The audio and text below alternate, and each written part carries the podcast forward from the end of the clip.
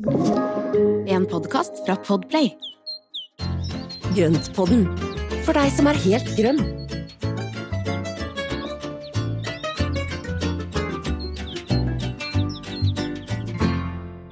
Hei alle sammen, og velkommen til Grøntpodden. Eh, I dag gjør vi en vri, for eh, vi syns egentlig eh, at vi, nå må vi fornye oss litt. Så i dag er det jeg som sier hei, og så ønsker jeg velkommen til Marianne og meg og plantegalskapen. Ja, Var det og det var kjempefint. Du var veldig flink. Du kan få den jobben fast fra nå av. Og det var så deilig bare å sitte og høre på at du liksom rodde det hele Ikke i land, i gang. I gang, ja. Ja. Nei, jeg skal ikke si Jeg skal ikke mm, forsøke meg på noen avanserte eh, beskrivelser, jeg. Det var veldig hyggelig å høre deg så starte, Espen. Tusen takk. Ja, men så bra. Ja, men så bra. Da, har vi, da skal vi veksle litt på dette her, sånn at vi får litt grann mer variasjon, for Mm. variasjon er vi glad i. Ja. Også i hagen. Bare se så, så Ja. fint hvordan jeg liksom bare så elegant liksom førte oss inn på tematikken som podden handler om. Men du, jeg er så nysgjerrig, for det at nå veit jeg at boka nærmer seg å komme i butikk. Men kan du gi oss en Ja. liten statusoppdatering?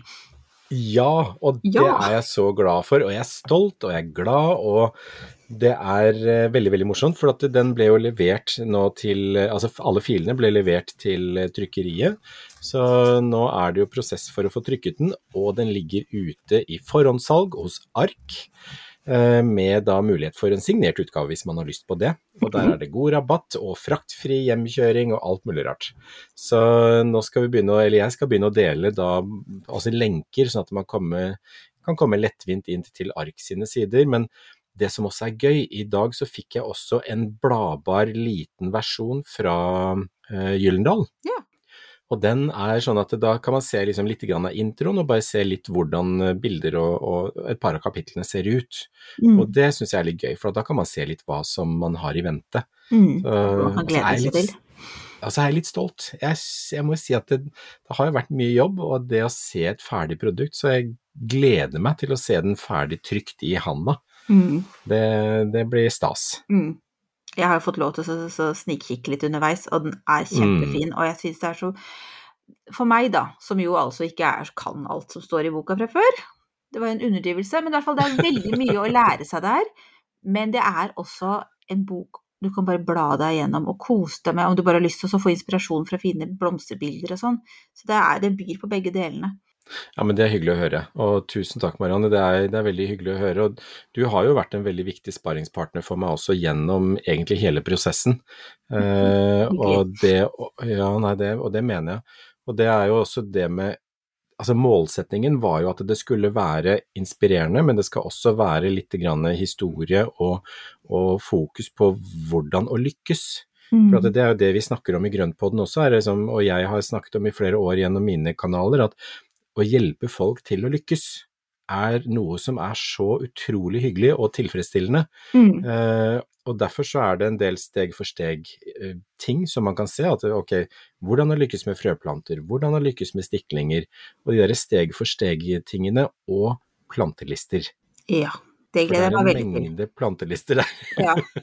ja, men det er litt fint, for da får du på en måte en litt snarvei til eh, til for eksempel da en, en, et blomsterbed som kan blomstre gjennom hele sommeren. Altså, det er Mm. sånne ting som jeg er veldig på jakt etter, så det gleder jeg meg. Men du, skulle vi si hva den heter, denne boka di? Ja, ja, det må vi gjøre. Den heter faktisk Skarp i hagen.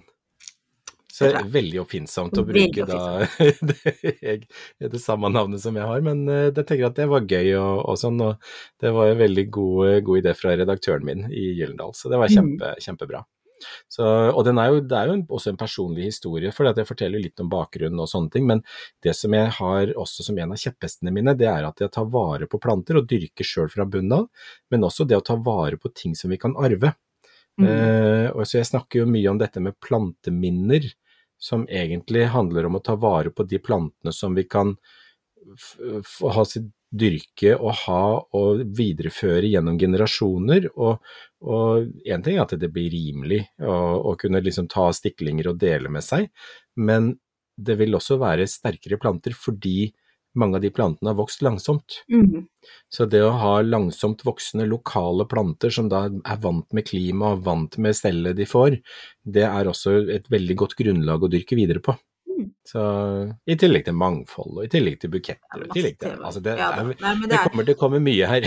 Ja, og jeg tenker det er jo liksom en, en rød tråd, grønn tråd, fra podden, fra bloggen din, altså fra det du har holdt på med, som nå munner fra før, som du nå liksom på en måte munner ut i en bok, da. Så det, Ja. det blir bra. Og det vi gjør i Grøntpodden, for det er jo akkurat det samme vi gjør her, hvor vi da prøver å tipse og råde og hjelpe folk på vei til å få litt grønnere fingre og dyrke med litt lavere skuldre, og også skape det der mangfoldet og oppleve den gleden ved dyrking. Det er akkurat som du, ikke sant, som har åpnet for alle de farvene som du skal ha inn i denne sesongen. Jeg gleder meg Mhm. så til å se det. Ja, rosa valmuer, altså hvem hadde trodd det? Altså det er bare Åh, men, det, men det som jeg tenker er at jeg har liksom tenkt at ja, det skal være Og litt med hensyn til murvegger og, og sånne ting, at det er fint med ly, at det er hvitt og grønt, da. At det er liksom rolig Mm. mot murveggene. Eh, men så nå tenker jeg liksom at jeg kjenner at jeg er så mye mindre stressa når jeg liksom åpner for litt flere farger. For da er det liksom ikke noe sånn 'Å, det må bli riktig', eller 'Å, dette ble feil'. Da blir jeg liksom mer sånn Jeg føler at jeg er liksom litt mer sånn med på mm, det naturen finner på. Ja, og det er ganske gøy, for at naturen finner jo på litt løsninger som man kanskje ikke selv hadde tenkt ut eller trodd, og så funker det utrolig bra, fordi de aller fleste farvene funker jo sammen. Altså det er jo ingen som går ut i naturen og sier 'ei, så stygt dette var', da. Ikke sant? Det er, veldig sjel- det er jo sjelden at når du ser da en eng med markblomster eller ting, og så bare 'nei, jeg liker ikke gult, jeg'. Ja, jeg liker ikke gult. Og så er det da liksom gule smørblomster innimellom det lilla med storknebben og alt dette her. Altså, Mm. Det er jo så vakkert. Og så finner naturen sin egen vei og form, altså.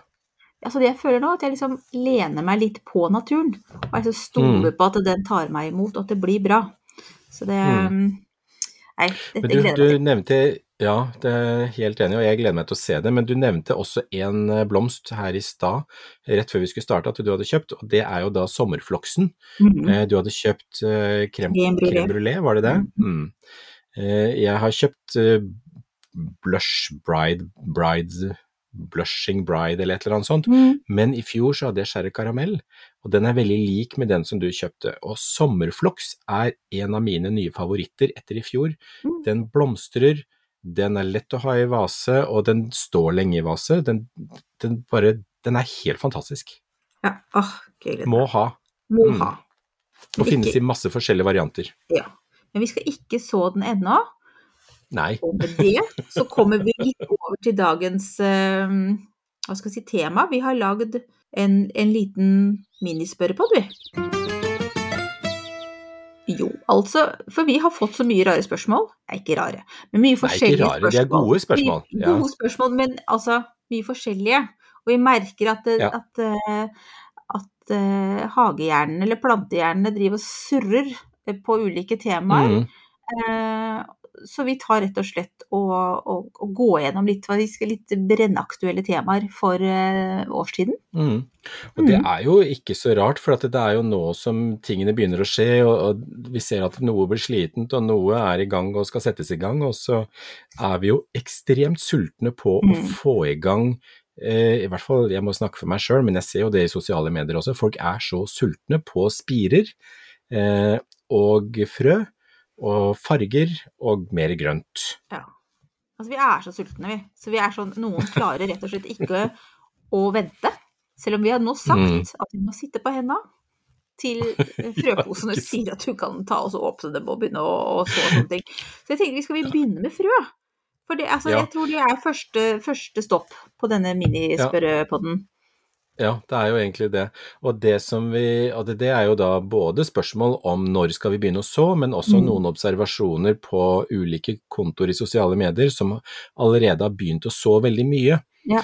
Eh, og det er jo veldig, veldig spennende og så mye, og, det er, eller, og så tidlig, fordi da kommer det jo i gang og sånne ting. Men det som er viktig å tenke på, at det er en del av disse plantene som er veldig vanskelig å ta vare på fram til vi kan plante det ut i mai. Ja.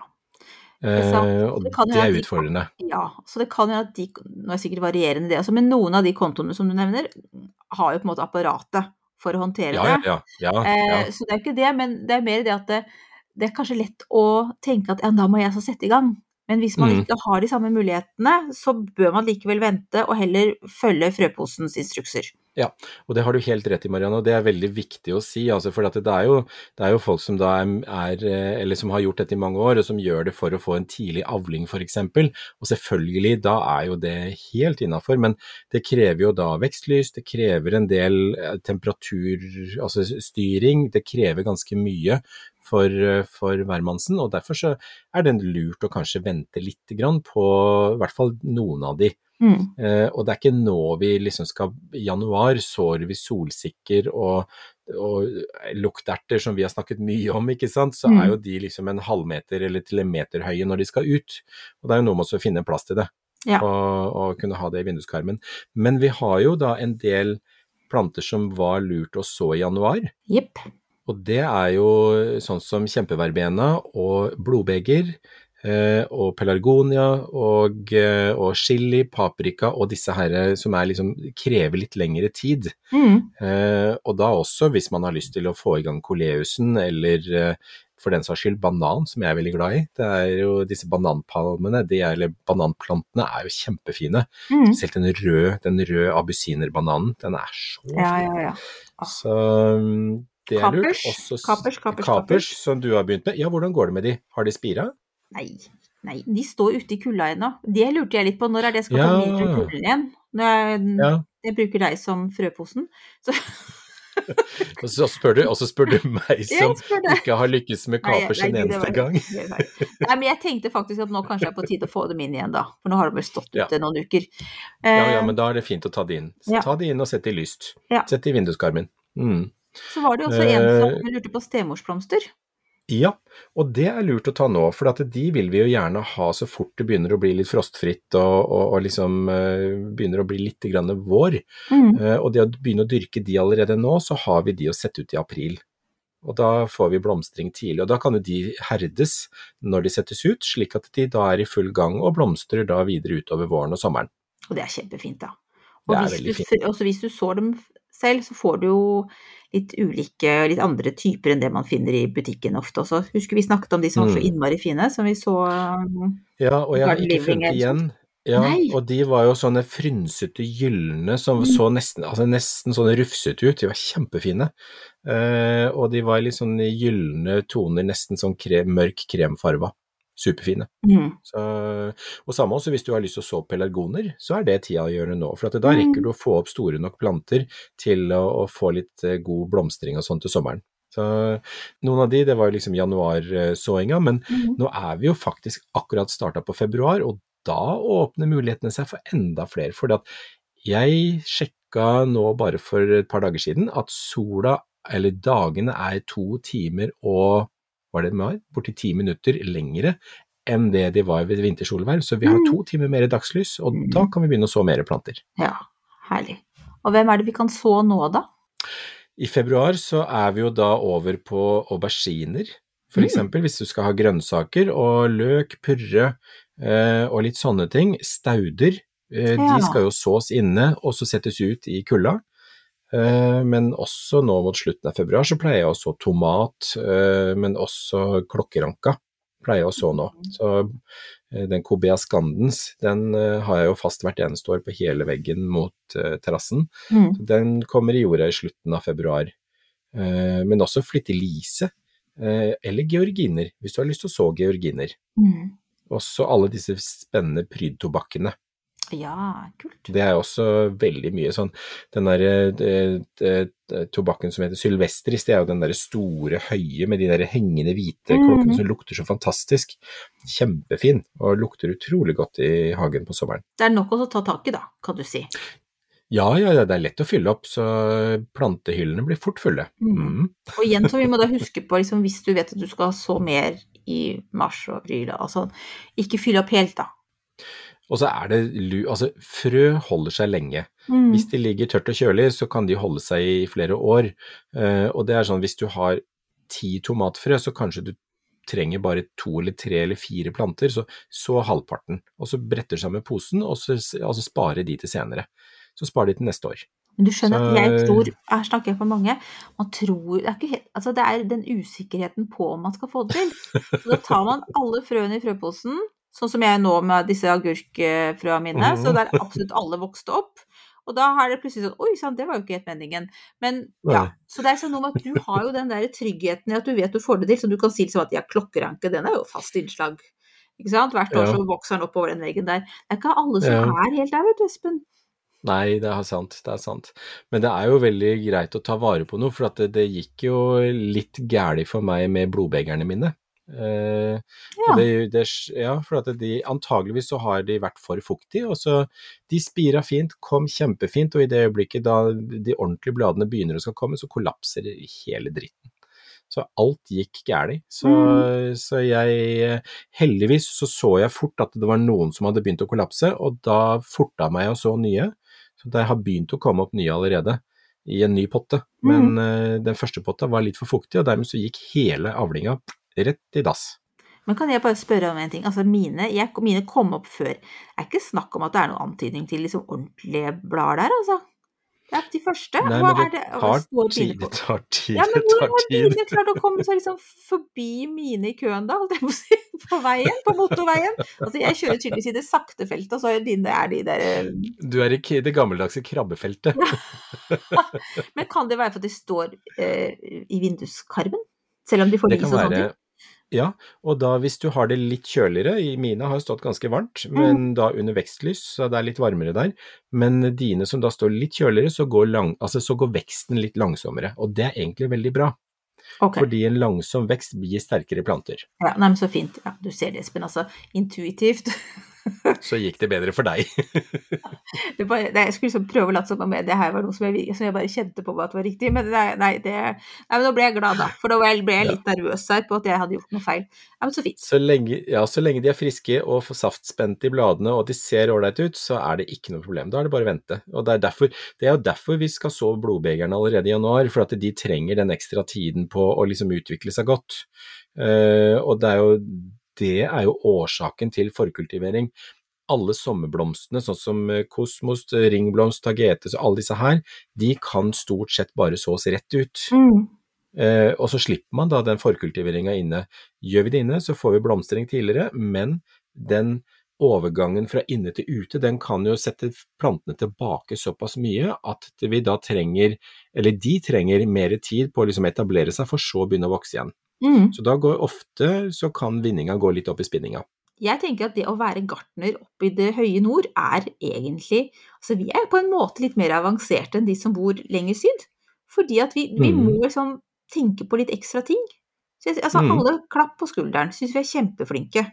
Ja, jeg er helt enig. Mhm. For det er mye mer sånne puslebiter som skal på Ja. plass for å liksom få dette her til å bli en start. Men så tenker jeg at man skal ikke legge, legge lista så høyt heller, for at det er noe at man må jo se hvilke ambisjoner man har og hvor mye man orker å bale med. For at det er jo, jeg at det er jo ikke alle som da har lyst til å fylle opp hele badegulvet, eller å liksom ha plantelys overalt og drive på sånn på den måten. Så litt avhengig av hva, hvilke ambisjoner man har. Og så Ja. velge ting som er enkelt. Ja. Jeg Enkle er nok veldig der. Jeg er for, for, for at det skal se pent ut underveis også. Så jeg eh, Ja. Det er, sånn er det. Noen er kjempeambisiøse, andre er litt treige. Og så koser vi oss med sånn som det er. Ja. Helt rett. Ferdig med det. Da, skal, da legger vi frøene litt til side. Altså bare sånn konkludere der med at frø bare så de som det står at du kan så nå, med mindre du kan det her fryktelig godt, eller har lyst til å teste ut noe, eller og har Ja. liksom apparatet rundt deg til å få det til. Ja, det er, go- go- er godt.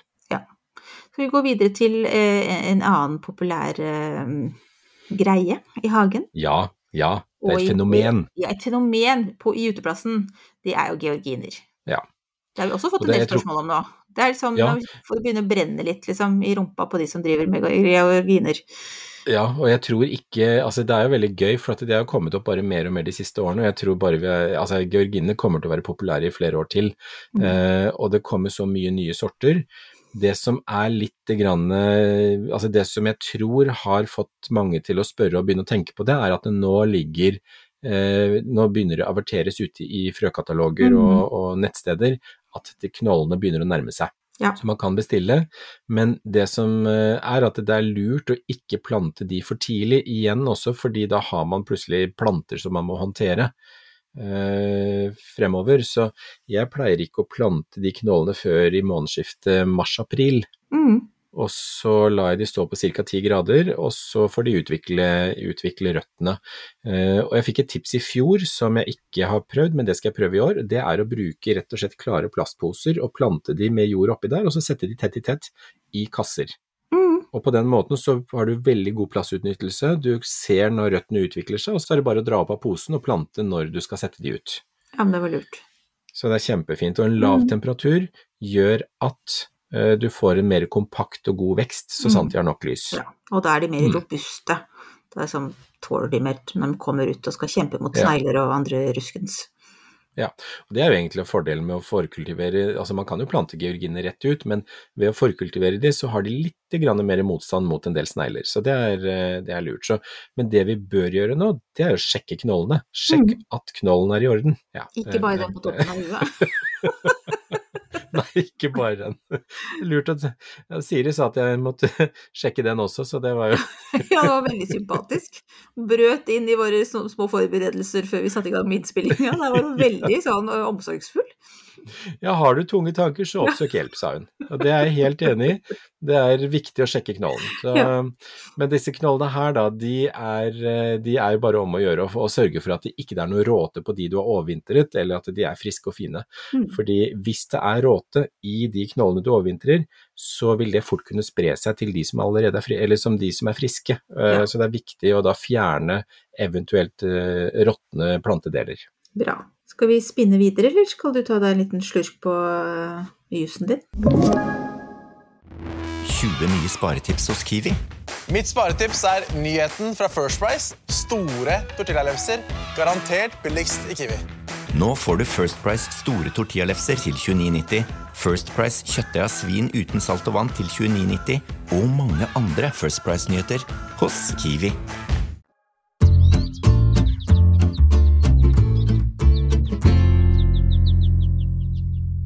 Kan ikke du ta og dele hva du drikker, Espen? For det hørtes innmari godt ut. Ja, jeg, jeg er veldig, veldig glad i eplejus med ingefær. eh, Sånn friskpressa eplejus med ingefær, og så blander jeg den halv og halv med sånn rent vann som er med kullsyre. Mm. Og det er så godt. Det tenker jeg også kan passe veldig godt på sommeren. Mm. Og så mm, så har vi et par isbiter der, og så er det Ja. bare helt den beste sommerdrikken. Så ja. eh, veldig god tørstedrikk, og, og smaker kjempegodt. Mm. Herlig. Nei, nå skal vi gå videre. Vi skal Mm. nå, nå er det tilbake bort fra drikke og sommer og sånne ting. Nå skal vi ha en sånn fot i bakken på, på her og nå. Vi har fått et spørsmål. Mm. Skal jeg lese det sånn som det står, eller beklager for Ja, alle som ikke liker banneord, men her kommer det. Hva gjør jeg med de jævla plantene? Ja. Og det er jo planter som ikke vil. Altså, Mm. de henger med hodet, og de visner, og de blir gule, og de, de Og så er det noe med hvor putter jeg de? Ja. Eh, for jeg, dette her spørsmålet var jo litt mer utfyllende, men eh, det var liksom De vil ha mest mulig lys. Jeg setter de i vinduskarmen, og der er det varme over under, og så må jeg ta de bort, og så er det for lite lys, og så blir Altså, det er vanskelig å få disse plantene til å, å funke gjennom vinteren. Mm. Så det er jo egentlig Vi har jo snakka litt om det tidligere i, for et par episoder siden, dette her med vekstlys eh, og unngå varmekilder osv. osv. Men det er ikke så enkelt. Eh, og jeg ser jo det at vi fikk jo installert varmepumpe her i høst, og lufta nå sirkulerer og er jevnt varmere. Det er ikke bra for Nei. plantene. Nei. Så, så det er eh, Det blir for tørt, og det blir for varmt, og det blir for jevnt varmt. Så de fleste plantene liker trekkfulle vinduer, og de liker den der temperatursvingningen som, Mm. som er, at ikke det blir for jevnt stabil temperatur.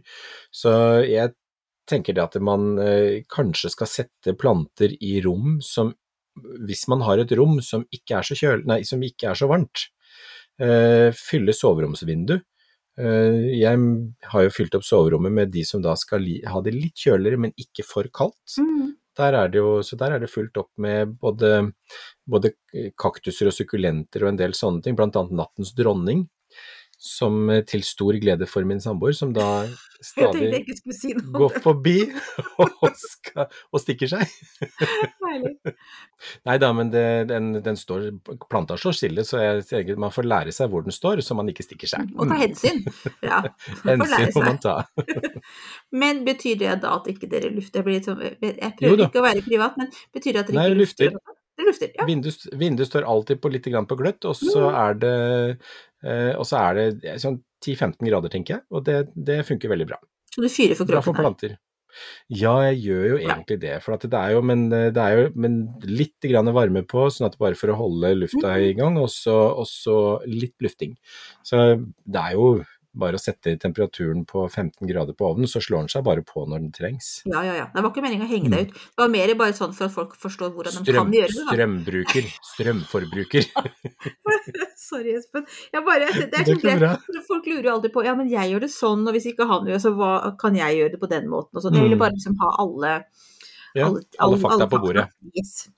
Men jeg tenker at det er Man må bare være kreativ. Mm. Tenk etter hvor det Hvor står varmeovner? Er det noe vindu som vi kunne slått av varmen under? Jeg har jo et Mm. vindu på stua som da er utenfor liksom blåsten fra varmepumpa, og der sto det en panelovn på som jeg nå kan slå av.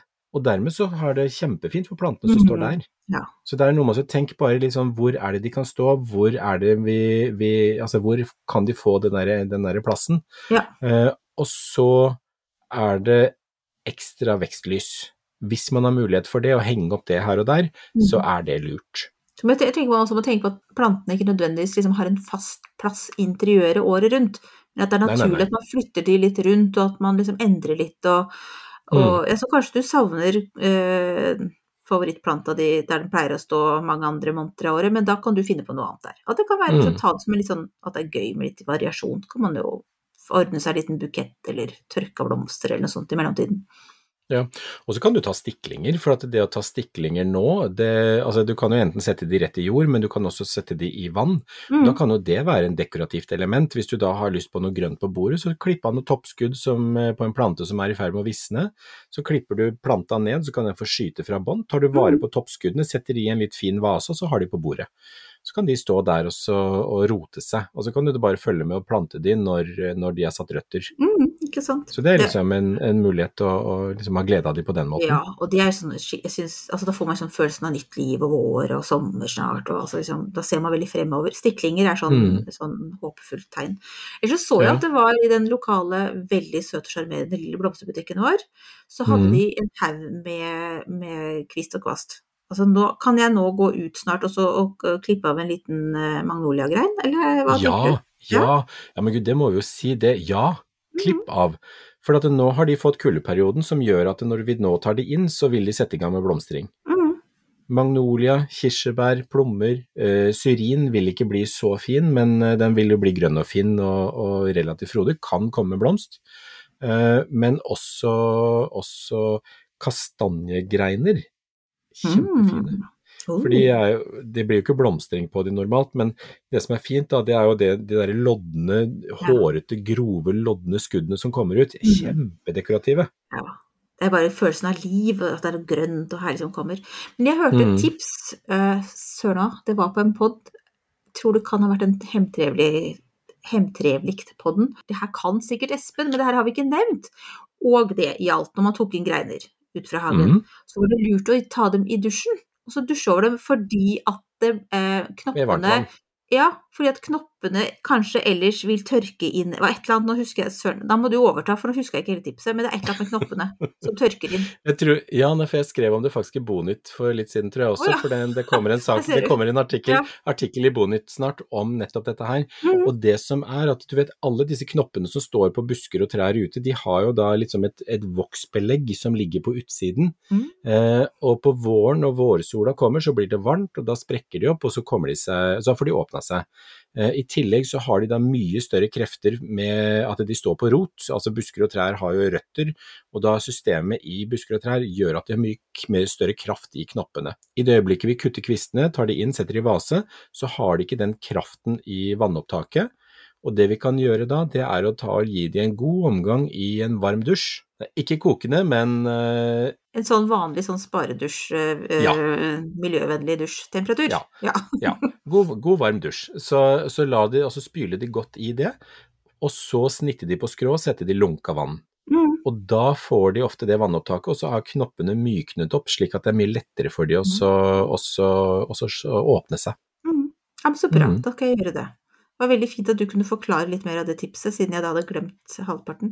Men, det, men det, ja, da skal jeg prøve Nei, men det er veldig, det er et veldig godt tips, fordi den der, det voksbelegget kan noen ganger, når det kommer inn i tørr og varm inneluft også, så vil det bare sette seg enda mer. Så Mm. da er det litt vanskelig å få, få løsna det for, for disse småskuddene, da. Mm. Plommer og kirsebær, det nevnte vi jo, men de blir altså så fine. Og forsytia. Forsytia, ja. de der gule forsytiaene. Ikke glem Det Yes! Mm! Mhm. Ja, så bra. De blir superfine. Så hørte jeg noen som mente at, at eh, pæreblomstene var mer ga mer impact, hører jeg godt norsk, men altså ga, Ja. gjorde mer ut av seg enn epleblomster. Har du noen gang tenkt over det, Espen? Det har jeg ikke tenkt over, Nei. men eh, det kan godt hende, for de kommer jo ofte i større klaser Mm. enn epleblomstene. Mm. Uh, I hvert fall på pæretreet her så har du gjerne større klaser med Ja. pæreblomster. Gud, så Så det er veldig mye fint vi kan plukke inn, og det å da få den derre forsmaken på våren, det, det vil vi jo ha. Mm. Det er jo herlig. Nei, men du, nå ble jeg veldig mm, gira på å gå ut og klippe litt greiner her og der. Det er veldig smart det med å tenke på at liksom hvis det er noen som, som du sier, sånn som med pærene, da, at, de, at det Mm. kommer mer det, Kanskje også velge ut det som man vet gir litt impact. Mm. Sorry at gang nummer to jeg brukte det ordet. Hva heter det? Gjør større inntrykk. Gjør større inntrykk. Ja. Ja. Wow-effekt. Wow-effekten var også godt norsk. det er veldig godt. norsk. Ja, vi er ikke språkpod, men i hvert fall. Det er noe, det, så det kan vi gjøre mens inneplantene står kjølig på soverommet. Mm. Mm. Nei, så det er bare, ja, rett og slett eh, også akseptere at det er litt kjip tid. Eh, jeg tenker at det, veldig mange av plantene kan klippes tilbake også når vi ser at dagene er lysere, og da vil de skyte på nytt. Mm. Så plukke, stelle, rense, ikke overvanne, veldig viktig, ikke overvanne de. Og så gi de jevnlig med dusj, og sørge for at de har det friskt og rent rundt seg. Mm. Eh, og sjekke etter skadedyr, som Ja. vi snakket om sist. Og det, i den forbindelse så er henter jeg fram et annet spørsmål, og det er fra Janne, som lurer på hva slags grønnsåpe man bruker i grønnsåpevann. Mm. Eh, Jeg bruker egentlig flytende grønnsåpe, som er eh, på av de der enkle krystallflaskene, som er eh, vanlig grønnsåpe. Ja. Noen er med furunål, noen er med ingenting, så det, det lukter litt forskjellig. Ja. Men også Og så blander jeg vanligvis én til fem. Eh, Så én del grønnsåpe og fire deler vann. Mm. Eh, og så pleier jeg å dusje, sette de i badekaret, dusje, eller i dusjen da, det kan man gjøre. Eh, dusje de godt, la de stå et par timer, og så skylle av med rent vann etterpå. Fordi at jeg syns det er greit å få fjerna grønnsåpevannet etterpå. Eh, Mm. Hvis grønnsåpevannet er for sterkt, så vil det liksom lukke en del av porene og sånne ting, men eh, veldig forsiktig uttynna grønnsåpevann, det kan du bare la være på planta. Det gjør Mm. ingenting. Bra. Da hadde jeg et spørsmål som jeg glemte igjen. Jo, hvordan går det med det der, der um, heksebrygget du snakka om forrige gang? Nei, jeg har ikke funnet noen andre ofre av planter å prøve meg på, så jeg har, for jeg har ikke funnet mer meldugg. Jeg drepte jo de plantene som hadde meldugg. Det er ikke meningen å le, men Men, men heldigvis da, så er de stiklingene av eh, Coleus spacecake Space Cake, som jeg da klarte å redde ut av den der visne haugen med blader, de pinnene som var der med et bitte lite toppskudd, de ser ganske friske ut. Er, jeg har tre sånne, sånne små pinner som står nå i et glass med vann, og de ser ut som eh, er i ferd med å skulle sette røtter. Så det går fremover. Så heldigvis, så Det meste kan jo erstattes, så Ja. ting går galt. Ja, ja, ja. Og så lærer, sånn lærer man av det. Ja. Mm. det er fint, det er fint at du byr på det, syns jeg. Det er for å si det sånn, jeg har ingen idé om hvor mange planteliv jeg har på samvittigheten. Og det var Tristan som nøys her, det var ikke meninga. Han ligger i senga si og ruller seg rundt her, så det Nei, da, så, planteliv på samvittigheten, det har vi alle, men dette her er jo, ja, dette her er jo eh, faktisk eh, det å ta lærdom av de feilene man gjør, det er kanskje det viktigste vi alle, alle kan gjøre. Da. Og Det er derfor det er lurt å skrive la også en liten hagebok hvor man da skriver inn tips og, og, og sånn, eller tips, ja, erfaringer. Mm. Hva gikk galt, hva gikk dårlig, hva funka, hva, altså, hva er suksessen? Altså, hva er, for å finne oppskriften på suksessen, for det er ikke alltid man husker det fra et år til et annet. Da. Mm. Espen, du nevnte jo stiklinger, men altså, du har jo tidligere sagt det der med at du, det er greiest å sette dem rett i jord. Kan du fortelle litt uh, om de to metodene, da? Sånn uh, avslutte med et lite tips om stiklinger, siden vi nå har lyst på stiklinger alle sammen. Ja, det kan jeg gjøre. Og det, stiklinger er jo veldig greit. Det, altså, det er jo da å klippe av toppen, eller gren, eller bit av en plante og sånne ting. Sette i vann eller jord. I vann så vil du ofte få muligheten, eller det er større sjanse for sopp og råte ved at det da blir muggent eller dårlig, eller at det er ting i vannet som, som gjør at det, altså stiklingene råtner. Eh, men jeg setter vanligvis så setter jeg de i jord. Jeg bruker de som dekor, og da går de rett i vann, men når jeg er ekstra opptatt av at det skal lykkes, så setter jeg de rett i jord, og så sørger jeg for lite bladmasse rett i jord, og så ha pose over hodet eller i et minidrivhus. Hva vil det fuktighet. Ja, hva, lite bladmasse. Kan du beskrive det litt mer eh, konkret? Nei, altså De kolesene som jeg akkurat drepte, det var jo da Hvis jeg hadde tatt en stikling av den, så hadde jeg klippet av en gren, og da hadde jo Mm. den gjerne hatt flere bladfest, altså bladpar nedover stilken. Mm. Og fjerde, da ville jeg fjerne alle bladparene, bortsett fra det ene som er ordentlig på toppen. Og Ja. beholde kanskje toppskuddet. Mm. Eh, men alt andre skal bort. Og er det veldig store blader, eh, og da vil jeg kanskje klippe av halvparten av bladet i tillegg. Akkurat. Og det her gjør du for at ja, planta trenger litt lys for å mm. få fotosyntese, men du vil Ja. at mest mulig kraft skal gå i å lage røtter. Ja. Ja. Og det, skjer, det som skjer da, er at da danner jo planta en sårflate med kallusvev, og så har den et lite hormon som heter auksin, som da faktisk sendes ned Mm. ø, til dette området, og så får da eh, intitalceller de får beskjed om at nei, nå skal vi ikke vokse, nå skal vi ikke lage blader, nå skal vi ikke gjøre noe sånt, nå skal vi lage røtter. Mm. Og da får disse intitalcellene de får beskjed om at nå skal vi lage røtter, og så får du en rotutvikling. Kjempespennende. Det er så spennende. Ja, det, og så ble jeg litt nysgjerrig på intitalceller. Ja, er de overalt? celler- er det... Det ligger celler rundt omkring i plantene som da kan ha ulike funksjoner, men ved hjelp av da dette rotningshormonet, eller det hormonet auksin, så vil, den, så vil, de, eh, så vil de cellene egentlig endre funksjon, da, eller endre egenskaper, som gjør at de danner eh, er det adventivrøtter, som da er grunnlaget for ordentlige røtter senere. Det her er så spennende. Ja, så blir man jo litt sånn wow. Altså, Ja, men naturen er er magisk. Det er helt fantastisk, altså. Så, Nei, nå, men det her kan vi ikke snakke det- mer om, det må vi ta en annen gang. Uh, Ja, sorry, nå tok jeg oss litt ut på sidene. Men Mm. ja, så det er det du gjør. Enten så hvis du vil ha det stiklingen som litt sånn dekorativt underveis, så kan det hende at du setter dem i vann. Bytter Bytter du da va- vann underveis for å unngå hver, tre, ja, bytter hver tredje dag. Ja. Uh, og så må jeg bare kjapt si at det å da ha de i vann, det gjør at det da utvikler røtter og sånne ting. Mm. De røttene som utvikler seg i vann, de er ofte ikke like gode som de som er i jord, Mm. Eller som starter opp i jord, sånn at du, de trenger litt sånn omstilling før når de blir planta i jord etterpå. Ja, så det kan hende at de blir pjuske, de stiklingene som man først har hatt i vann og så plante videre, Det de tar som litt tid bare ja. før de kommer seg ordentlig i gang. Ja. Så det er ikke noe, men det går som regel bra. Ja. Men hvis man, skal, hvis man vil virkelig at en stikling skal bli til en plante, så er det best å sette den rett i jord. Rett i jord og høy luftfuktighet. Ja, bra. Da er vi klare, da.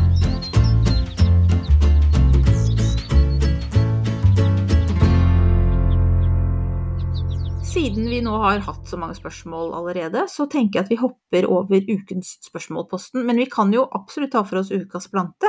Ja, og det er ditt valg i dag, Ja, det for den har er du lang erfaring med. Den har jeg lang erfaring med. Fant nylig ut hva den het. Altså, jeg har visst før, men jeg glemmer jo så fort. Så det var når du nevnte den, så var jeg helt sånn Å ja, hva er det for noe? Så fant vi ut at ja, men den står jo faktisk ved stalldøra. Så Mm. Og den heter Carria japonica. Ja. Og jeg har varianten som heter pleniflora, fordi at den er fylt, er det det det heter? Ja, den er Ja. fylt. Og nydelig busk. Ja, skal jeg beskrive den, da? Ja, gjør det. Det er liksom sånne pinner rett opp. med, med ganske små blader. Litt atypisk busk, med andre ord. Ja, men det er liksom, de stikker, altså den er så utrolig glad i å vokse. Ikke bare må jeg liksom, jeg må beskjære den hvert år, men det kommer altså nye pinner fra Mm. bakken hele tiden, så jeg flyr rundt med hagesaksa og klipper og klipper for at den ikke skal spres Mm. overalt. Men du Marianne, jeg kan bare, da må jeg si, vet du hva, da kan du ta rotskudd, spa ned, få med en pinne med litt grann røtter på, så kan du plante de overalt. Ja, du kan få lov til å Mm. komme og hente noen hos meg, Espen. Det er, eh, Ja. Den veggen har jeg egentlig veldig lyst til å ha humle på, så jeg har, litt sånn, hva skal vi si, altså den er jo sjarmerende da. Så det er, Ja. når den blomstrer, er ikke så sjarmerende uten de blomstene, men jeg syns den blomstrer jo ganske lenge om, om sommeren, så, så da er den liksom på innelista, og så er den litt på utelista når det bare er de pinnene. Er Litt Eh, ambivalent forhold til ja. hele busken. ja, faktisk det. Men jeg kan jo beskrive de søte blomstene, for den er kjempefin, og den er også veldig fin i vase. Mm. Klipper i vei. Og det er sånne små pomponger, liksom. Gule. Ja, Litt sånn ja. eggegule, eller hva skal jeg si. Eh, litt sånn, sånn hvis du lager sånne små sånne i garn, vet du, som man snurrer rundt og rundt på en sånn der eh, Ja. utklippa greie. og Dusk, så sånn- dusker. Ja. Og så er det liksom sånn den ser ut. Kjempeherlig. Akkurat som liksom, det er små, små sånne smell. Her kom det noe gult. Poff, poff. Ja, men man blir jo glad av sånne blomster. Mm. Og det er liksom sånn gledesblomst, og den er jo gul som en sol. Ja. Og den er jo, og den blir kalt for soleiebusk på norsk, så det er jo ja. Den kommer jo da fra Japan-Kina-området, og det er vel derfor også den heter japonica, for at det er en japansk eh, eh, opprinnelse på den. Eh, men den er jo ikke av de sterkeste, så den klarer seg sånn H3, Mm. så det er litt sånn greit å vite. Men igjen så må vi bare gjenta at det er ingen planter som har lest herdighetssonekartet. Så prøv. Hvis du har lyst på den, så prøv. Finn Ja. en lun krok, et, altså i le for et eller annet og, og inntil husveggen, hva som helst. Fordi at det er muligheter, selv om ikke, selv om ikke man bor i en H3-sone, så er det muligheter å prøve. Mm. Alltid lov å prøve. Ja, og så står det jo at den blomstrer fra mai til, og, ja, i mai og juni. Jeg syns at den blomstrer også i juli, jeg. Så Ja. jeg tenker hvis den får gode forhold, så koser den seg. Ja. Nei, det er en nydelig busk, og den blir jo er det rundt et- ja, to, to og en halv meter høy. Så det Ja. blir jo en ganske sånn raus og frodig og flott busk, altså. Så Mm. jeg tenkte den skal jeg søren meg Ja, den hadde passa hjemme hos mamma og pappa også, for de har jo veldig mye fine busker i området der, og det er jo veldig mildt der nede mm. i Kragerø. Så Bare å komme og hente hos oss. Skal få spa Ja, opp alt du vil. Kanskje skal se om vi finner et bilde av den, da. Mot det må du gjøre. Ja. ja, det må du gjøre. Uh, er ja, hva skal vi snakke om da, Espen? Når vi ikke har ukas spørsmål, så rart å hoppe over det punktet.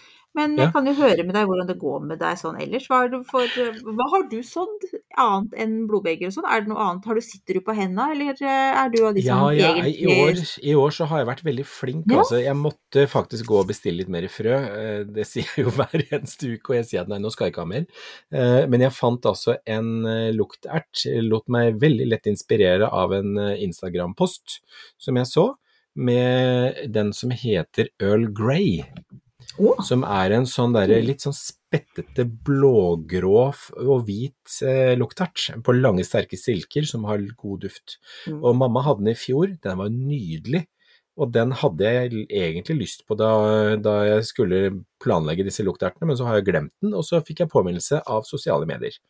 perfekt. Så veldig glad for det. Så den bestilte jeg. Og, men jeg har nå sortert alle frøene mine i rekkefølge på når de skal i jorda, sånn at jeg ikke glemmer noen.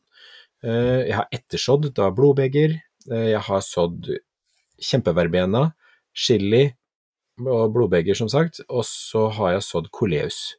Ja. Så koleusen, den er sådd. Og må, det, jo, det var en annen liten glipp også. Jeg måtte kjøpe eh, sånne mm, pasjonsblomst, den derre Passiflora quadrangularis, den store røde blomstene, som, som også blir kalt for barbadin, som er en fantastisk pasjonsblomst. Som jeg egentlig aldri får til. Nå har jeg prøvd den fire ganger, det er fjerde gangen jeg prøver den. Første året så kom det opp et lite skudd som da sto og tasla seg utover gjennom hele sommeren, men nå har jeg lyst til å prøve en gang til. Så jeg hoppa over liksom fjoråret. sånn Diskré å søke på Barbadin. Mm. Barba... Hvordan skriver du det? Barbadin. Barbadin. Barbadin, Eh, eh, Ah, der, ja. mm. Å ja, den Å gud, så fin farge det var på den, da. Ja, den er helt, Ja, den var nydelig. helt rå. Ja. Mhm. Så nei, altså den står også nå på varmematte under vekstlys, for den vil gjerne ha en opp mot 30 grader når den skal spire, og fuktig. Så da bruker jeg en liten varmematte under, og så står den i et minidrivhus. Ja, den var veldig, veldig fin. Ja, nei, Ja. den er eh, Så hvis den kommer eh, jeg skal, jeg skal gi en liten oppdatering på om den kommer, det, om det kommer opp noe i det hele tatt. Så, så det. Det. Altså, det driver jeg med, så jeg driver og sorterer og ordner og planlegger, så koser meg med det. Men du du Marianne, hva gjør du? Ja, det skal, du, skal jeg fortelle deg om, men jeg bare lurer på når du sorterer disse altså, Skriver du opp på en liste, eller er det bare sånn at du har fysisk lagt frøposene liksom på rekke og rad? Jeg bruker en, en sånn eh, gammel jordbærplastboks, sånn jordbærbeger, Mm. eh, og så har jeg satt de etter hverandre oppi der, sånn at jeg da har uh, satt de etter hverandre. Så nå har jeg sortert til liksom når er det de skal i jorda, bang, bang, bang, bang, og så kan jeg bare bla meg bakover. Ja. Og uh, etter hvert som jeg da kjøper nye frø, så fyller jeg oppi dette jordbærbeget, så det, jeg har måttet øke til to jordbærbeger. ja, det tenkte jeg. Jeg syns Så hørtes det- veldig beskjedent ut for deg å ha ett jordbærbeger, men det er greit nok. Du, sannheten kom fram til slutt. Jeg må si at jeg har også gjort det på samme måte. Eh, Mhm. Ikke nå, for nå har jeg det bare liggende i en fin kurv for det er koselig Ja, det så jeg bilde av, det er kjempekoselig. Ja, det er helt sånn Det er egentlig helt ulogisk og irrelevant, og jeg vet at man skulle sikkert hatt det sortert allerede, men jeg syns bare Jeg blir så glad for at jeg er ikke glad i januar. Så da blir jeg litt glad av å se på dem. Men i hvert fall når jeg etter hvert skal gjøre det, så pleier jeg Fordi at jeg er litt glemsk. Så jeg setter opp sånn litt sånn mars, står det på en lapp, og så alle de som skal i mars, står bak en lapp. Ja, det var lurt. Fordi at hvis ikke, så, så du vet. Ja. Jeg må ha det veldig sånn Jeg må ha det invitert seg. Ja, Nei, men det er jo kjempelurt. Så bra. Så det gjør jeg. Jeg har ikke gjort det ennå. Men det jeg har Ja. gjort, er jo å Apropos det at man har innmari lyst til å så ting nå, så, Ja. så har jeg da sådd uh, agurker, som jeg sa. Ja. Og det er så gøy med ting som man kan så inne, og som Mm. er, kommer opp med en gang, og som får lov til å komme opp med en gang. For nå skal Ja. jeg altså lage sånne uh, agurkgardiner. Um, men nå bare lurer jeg på, Espen, om hva jeg skal gjøre videre. skal, jeg henge opp, skal jeg henge opp noen liksom, Skal jeg lage noen ting som de kan klatre på? Hva, hva Ja, gjør du må ha tråder, du må ha noen tråder som de kan klatre oppover, sånn at du kan Mhm. stroppe de fast oppover. Og så vil de jo få klatretråder som de fester seg med selv. Mm. Men du, de må ha noe å klatre opp på, for ellers så blir de bare liggende som en haug. Ja, nei, det gjør jeg ikke. Og så er det greit å fordele de sånn at de er én i hver potte. Åh, søren. Ja, yes. Mm. Hvor stor potte må jeg ha da? Eh, det kommer an på hvor store de blir, men det bør jo være en sånn type jeg vet kanskje 20 cm, 15 cm. Så det bør jo være litt størrelse på den. Ja, ikke sant? Og de skal ha mye næring og sånn. Ja, Ja. Og så de vil gjerne ha lyst og godt med næring. Mm. Mm, ja. Nei, da får jeg bare potte. Potte må fikse. Ja. Mm. Men da har jeg plutselig seks planter, og det var altså da fire mer enn det jeg hadde tenkt. For jeg hadde egentlig tenkt å lage ett vindu. Hva gjør jeg nå, Espen? Ja, ja da skulle du ha latt de fire frøene ligge igjen i pokka, og så prøve med to. Pakke dem tilbake igjen, da. Dytte de der ned, de der, ja. Nei, ja. Det, blir tre agurkvinduer da på kjøkkenet. Sånn er det bare. Mm. Mm. Ja, men det blir, det blir frodig. Det blir frodig og fint. Ja, det blir veldig fint. Og så i juni blir det agurker. Ja. Det går fort når de først er i gang også, så det kan jeg love deg. Ja. Mm. Du, nå nærmer vi oss slutten. Det gjør vi. Og så er eh, Altså, det er veldig gøy med frø. Altså, vi må bare si at fortsett å samle, fortsett å planlegge, Mm. men vent litt med, med såinga. Ja. Eh, så ikke dere blir sittende igjen med altfor mye planter her og der som ikke dere har noe sted å gjøre. Ja, og som kanskje blir litt skranglete fordi de er eh, sådd litt for tidlig. Ja, det er nettopp det. Men du, neste gang. Vi har tenkt vi har lyst til å nerde oss ned, vi. Det skal vi gjøre, og vi må finne ut litt hva vi skal gjøre det på. Da vil vi gjerne ha et innspill fra dere. Mm, Plante, plantefamilie som dere er nysgjerrig på. Kom med Mm. forslag på Instagram. Vi får slenge ut en post også på det. Eh, det blir spennende å se hva dere kommer med av forslag. Um, Mm. mm. Så får dere se hva vi velger. Ja, og så får vi si tusen takk for i dag, og takk for at dere henger med nok en gang. Ja, takk for i dag. Ha det bra. Ha det.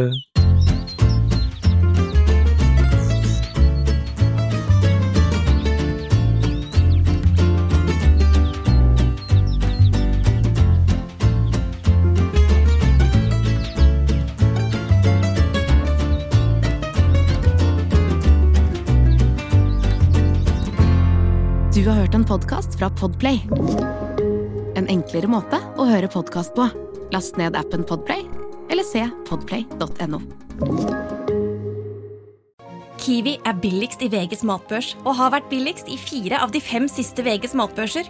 Og nå presser vi prisen på påskevarer fram til 1. april. På 591 gram Toro vaffelmiks presser vi prisen fra 35,90 helt ned til 29,90.